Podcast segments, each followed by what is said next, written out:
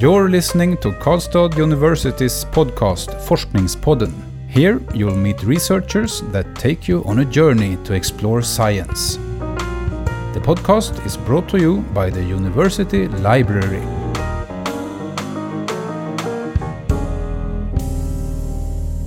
Hello and welcome to Forskningspodden. My name is Nadia.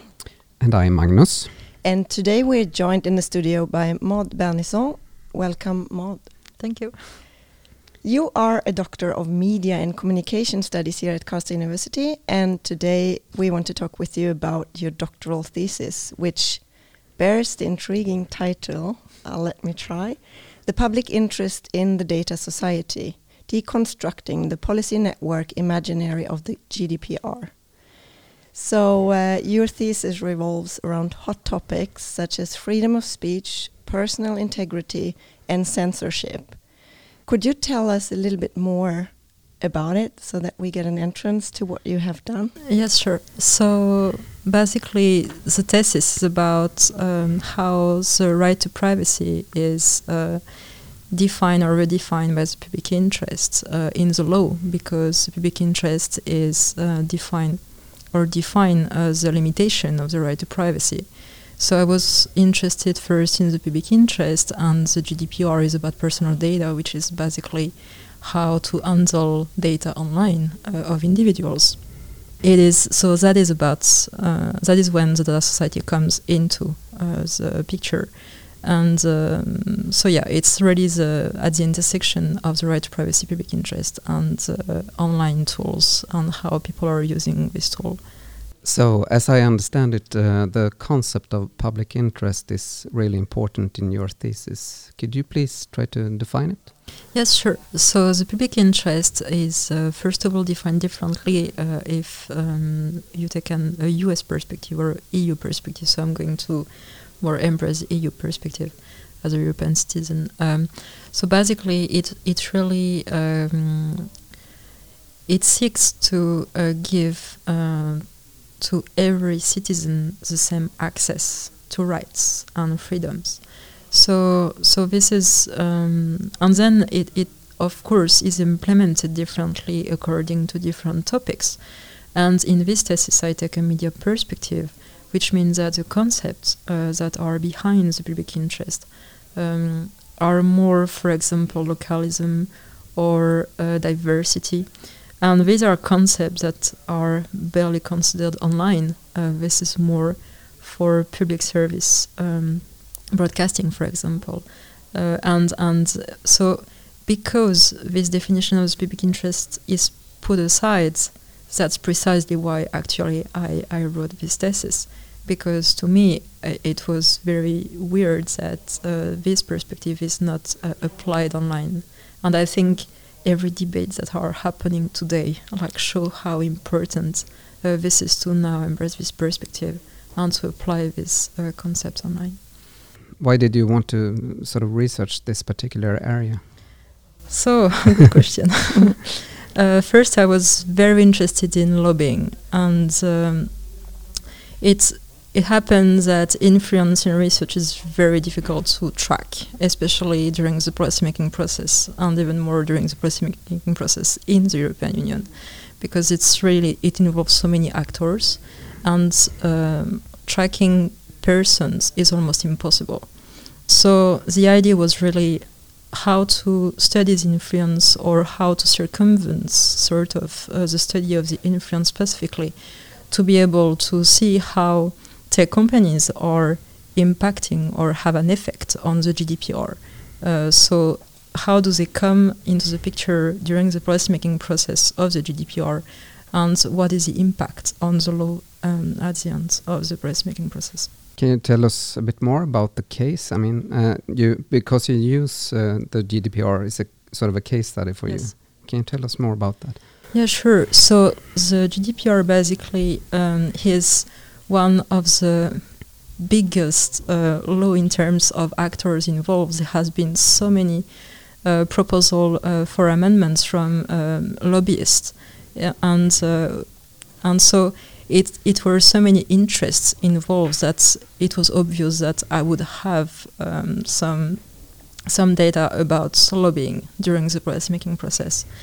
And it involves so many sectors that it was also interesting to see okay, but who does that concern exactly? What are the companies that are concerned by the GDPR? And in the end, it happens that it's not only tech companies, but it is so many companies uh, from different sectors. However, there has been a hierarchization of companies according to how much they knew about um, their tool and their platforms online, which permitted them basically to um, kind of draw or design the, um, how the, kind of the data society, although it's not exactly the data society, but how the, um, how they are framing the uses of, of people or individuals when they are using tools online. so, so the GDPR is taking this basically, which is already predefined by the by these companies, and then it tries to regulate it, and and so it's kind of framed in a way that is already framed by these technological actors. Basically, that's one of the findings. Kind of. Could could you give an example of these tools that you're talking about? Yes, sure. So there is, for example, Facebook, and uh, so then it's how do they define the users? Are they citizens or are they users? And can the both uh, be uh, like complemented online through the tools? Uh, or are they consumers? Because that was like kind of the perspectives that were conflicting as well. And when they have been defining either users, consumers, or citizen, or trying to define uh, an individual, like through the three definitions, then what are the interests that should be um, kind of protected in the law? And uh, in the end, it's very clear that they are often considered, sorry, as users. So it's very problematic for freedom of expression information, for example, because uh, individuals should be basically defined as citizens rather than users or consumers online. And in this case, and in the GDPR, it's very clear freedom of expression information is left to the member states so it's not defined at the European Union level. And in the end, the member states have less more weight to regulate uh, the tech companies than the European Union. C can I just ask, because I'm not sure I uh, understand everything you're saying, does the GDPR make a difference between what uh, kind of these groups you belong to? Is that the problem, like if you're a citizen or if you're a user or you said another one that I already consumer consumer yeah. right. So does the GDPR have a different impact on the three depending on what choice you make as a um, as a company and how you identify them? Is that yes? So point? basically, it's more how the regulators are like going to um, embrace one of the definitions in the law.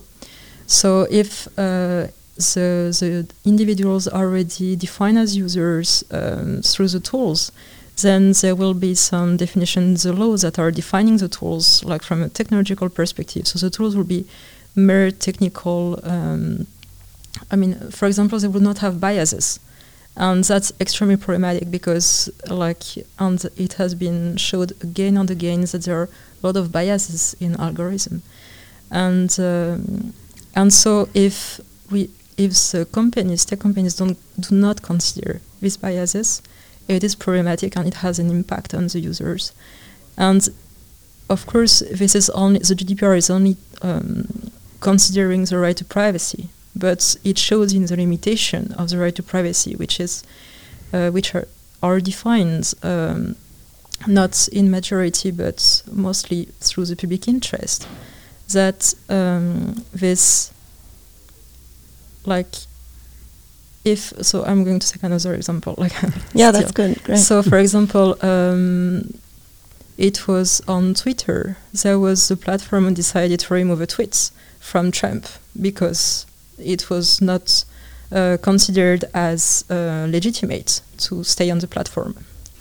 So now we are going to ask the question who has the right to do that? To like um, remove a tweet from a public forum and um, and so the GDPR is basically um, showing that the freedom of expression and information is left to the member states, and then it's the member states who are, who have to deal with that. But we have we know that they don't have kind of the power to do that, and it's much more efficient when it's at the EU level, and thus the tech company can actually define freedom of expression and information the way it wants mm. on its uh, public forum, and it means that um, how is considered the user in this case? Is it a citizen?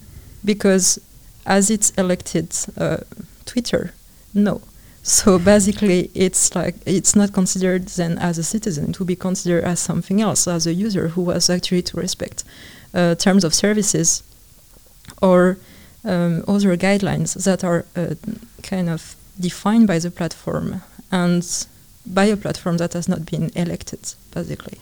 What you are saying is it that uh, the company has too much has had too much influence on, on the process of developing the GDPR, or? So it has had an influence through these specific dynamics, which means that basically they have been able to define online uh, the setup. So, per, for example, uh, there, people are usually considered as users and consumers, but they are mainly uh, considered as citizens. And the GDPR has been uh, framing, um, for example, definition of data processing or definition of the tools of the platform in a way that is actually just um, taking what is already happening. Uh, so, for example, so yes, there is a definition of data processing, and there is um, also like um, taking into account the business model that is already like uh, set. And of course, uh, personal data, the way it is defined is defined in a legal way and um, permits uh, to people to have their individual rights uh, strengthened. But if you actually define all the contexts in which personal data are evolving in a different way than uh, defining the person as an individual, for example, a consumer, then it weakens like mm. tremendously uh, the, the right to privacy.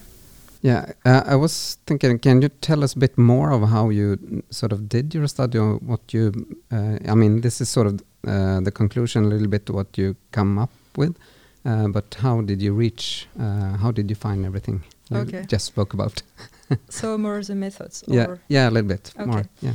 So yeah, again, so I I did I couldn't uh, track influence, so I had to like find another way to do that, and uh, to do so, I've I've been uh, so targeting uh, the main actors. So I've looked at uh, proposal from uh, Facebook, for example, or Google, etc. And but also like the formal process.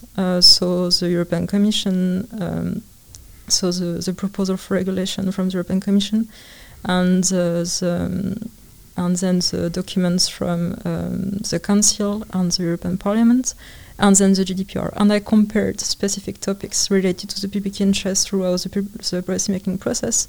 And I've tracked each time there were some um, specific um, changes, for example. And I tried to see where these changes will come from. So, for example, uh, about still about the public interest, um, the council have been uh, putting more and more um, restrictions to the right to privacy for security purposes, for example. So this is extremely clear, actually, through the policymaking process.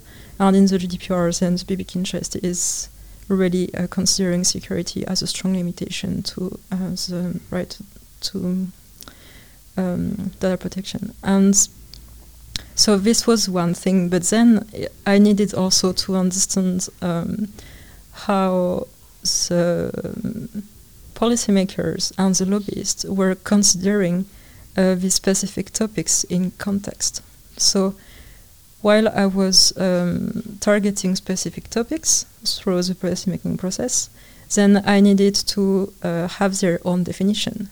And I have interviewed uh, 18 persons from different groups of actors, regulators, lobbyists, coalition of actors, but also NGOs.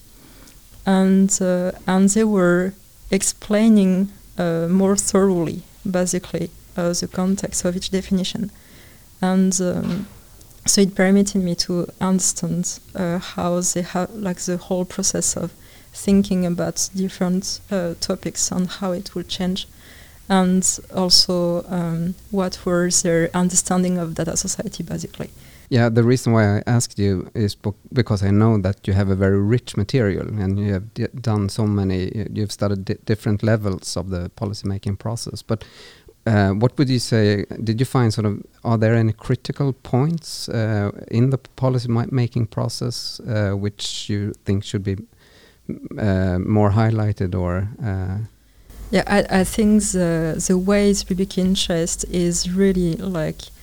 Um, defined by the council uh, through security topics is, is really important to highlight because there is a securitization of, of really like the, the law and, and that's extremely problematic because we have talked a lot about how tech companies are kind of influential online but we don't necessarily i mean security is also a hot topic but I think it's also worth to, to see that the member state can have the power to regulate in some cases, and they have they have been able to basically um, frame the public interest in a way for this topic that is strong enough to be uh, at the EU level, and there is cooperation now between member states to to um, to protect security in a way, and also it's a very it's it's defined in a way that is very broad, so it leaves them leeway of action, which is very problematic because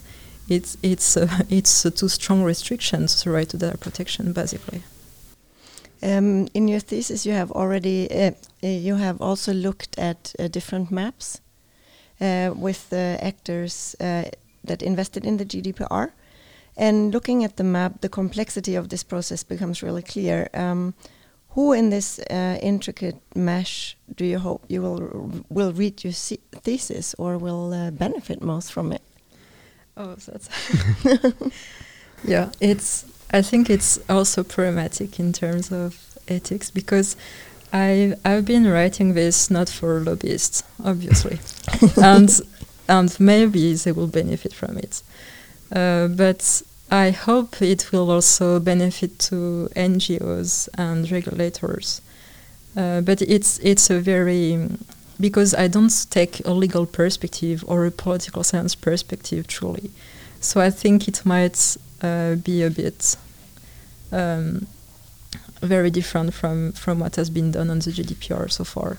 So yeah, I, I guess I guess it. I hope it will uh, benefit benefit most uh, NGOs. can you can you just summarize what the most uh, what would be most beneficial to the NGOs uh, with regard to your results? I, I guess it's like every entry points that uh, tech companies and the lobbyists are able to reach to to enter the, the policy making process, but also the idea that there is like a strong information asymmetry between the regulators and the tech companies, basically. So it means that there are some actors who are like uh, like um, having information that they will not necessarily share with the regulators to be able to gain legitimacy during the policy making process and then they can actually like uh, give some information that are framed in a way or or at a specific time when they know that it can be beneficial for, for them.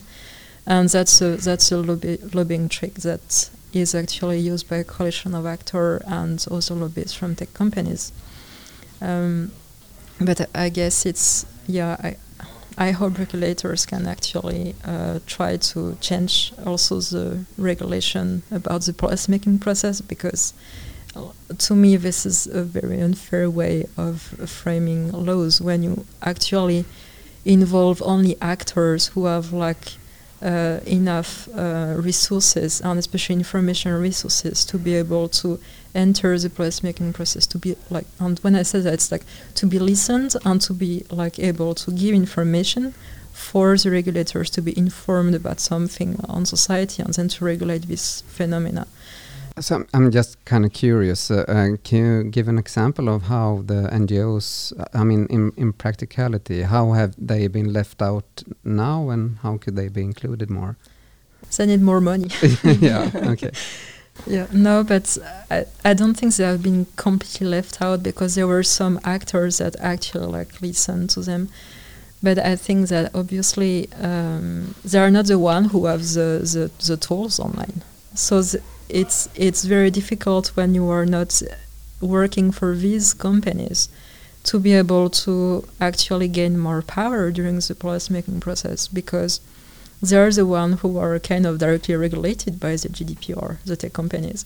And uh, they are also the ones who have the more information about tools that seem to many people like so complicated that we just cannot understand. And regulators have said it sometimes also like it's a lot of information to to have and and there are some that they couldn't get. So it's not NGOs that are going to give them this information. It it, it is tech companies. So the question is how to force them to actually uh, give the information that is needed for the regulators to do their job. Yeah, I, I'm uh, wondering just a little. Maybe this is uh, very far off what you have done, but when you look at the NGOs and many of the examples that you mentioned, like uh, Google and Facebook, they are American uh, actors. Uh, is there a different, like with regard to the GDPR, which is a European uh, legislation? Is there a difference, like which actors you talk to, which NGOs you talk to, how they can influence uh, these discussions that you were talking about? If it was European, for example, NGOs, in contrast to American uh, NGOs? I haven't interviewed so many NGOs but uh, I think yes, because the idea of uh, free speech in the US is very different from the freedom of expression information in the EU. So I guess just this definition is already different. So I guess it's it's it will be implemented and understood differently by these actors. But also to like just the difference also between uh, within companies already it's very interesting to see that there was one person who was telling me from one of the tech companies that um, I use they instead of uh, um, subject. Mm. But so they were explaining that basically um, they had a team in Germany who did not want to implement uh, free speech the same way, and and uh, the person told me. So we had a conversation about that, and then but they never had the possibility to change anything basically it was as they had decided before and they implemented it in germany as like the hq or the global team was thinking about it and that was it so so of course it's one experience from one person one lobbyist but it's it's i think it says something also about um, like uh, global actors and uh, where this definition come from, and they are also implemented then like globally. Um, as I mean, of course, there are laws as well, so they have to respect it to a certain. Um, yeah, but so yeah, but between NGOs, I haven't, I haven't really. Do you think there is any take-home message in your thesis for for us as laypersons or the the normal EU citizen? What can we learn? Yeah, I think we can complicate the debate about uh, lobbying and uh, EU regulators because I think what was very interesting, the EU is often criticized for being like such a big, like administrative, um, like it's like kind of a bureaucracy, etc. But I think that uh, there are. I've I've met regulators who were deeply convinced that they had to like work for the for the citizens. Um, and and it was very interesting to see how they were opposing like uh, specific uh, non-democratic ways of of like trying to impose things during the pol- policy making process and um, and and of course not everyone is like this but there are regulators who really believe in what they are doing and there are others who don't care and will then work for lobbyists and uh, but i guess um, yeah, I guess it's very important, and I think that has been a work also I've been doing all the time to avoid absolutely generalization. And also, like there were some lobbyists who were telling me that they had been working before for the EU, and when I was asking them, "But are you going to go back to the EU?" and they were like, "Oh, that would be interesting, actually." Or so mm. it's it's more complicated than it looks. Actually, it's it's like yeah, w- it's like we we should really be careful with generalization. Uh, yeah, all the time. Yeah, it's very complex. To, Yes, it is. There's so many different parts playing a role. Yeah. and and that's why I guess I think we tend to generalize because then if we don't if we don't then we have to see, look at everything in details and it becomes such like yeah Impossible. exactly Have you turned every stone in your study, or are there research questions which uh, you could um, study further? Yes I, I think there are some. It's um, it's small details that I would like actually to expand. There is one for example that is about uh, technological neutrality. And this is something that comes back over and over again during the GDPR And uh, what's interesting with this concept is that uh, it's it encompasses uh, ideas that technology is too fast to be regulated, and it should be fast for innovation to happen, and at the same time, law is too slow. So technological neutrality permits to uh, define technology in such a broad way that it encompasses all types of technology, and uh, and this is kind of um, problematic to me because um, it would mean that any type of technology online uh, is actually like uh, is not the same, but has has like the same has too many similarities to be regulated the same way. But can we really like regulate booking like Uber, or can we regulate like Mm. Twitter? I mean, it's not the same problematics that are like uh, ongoing and uh, and I think it would be very interesting to see where does that come from. So who has been like uh, putting it in the in the policy making process and developed it further? Is it is it coming from the from the legal field? Is it coming from um, more uh, technological way of thinking? I think that would be very interesting to look at. That's super interesting. Uh, and I wish we had more time, and or we can meet you again and talk about your uh, upcoming research also. But our time is running up. But our, uh, our final question is: uh, You have successfully defended your doctoral thesis. Congratulations! Thank you. what is your best advice to new doctoral students? never give up. no, I I think it's um, always try to have as many feedback as you can, and and really listen to them. I think it's it was one of the most helpful things that happened in my during my PhD, having feedback from very different perspectives. That's good final words, I think. Thank you very much, Maud, for guesting Forskningspodden today, Thank you. and uh, good luck with your upcoming work. Thank you. And to our listeners, warm thanks for staying tuned. Uh, we welcome you back next time. You have listened to Karlstad University's podcast Forskningspodden. The podcast is brought to you by Karlstad University Library. All episodes can be found at kau.se forskningspodden.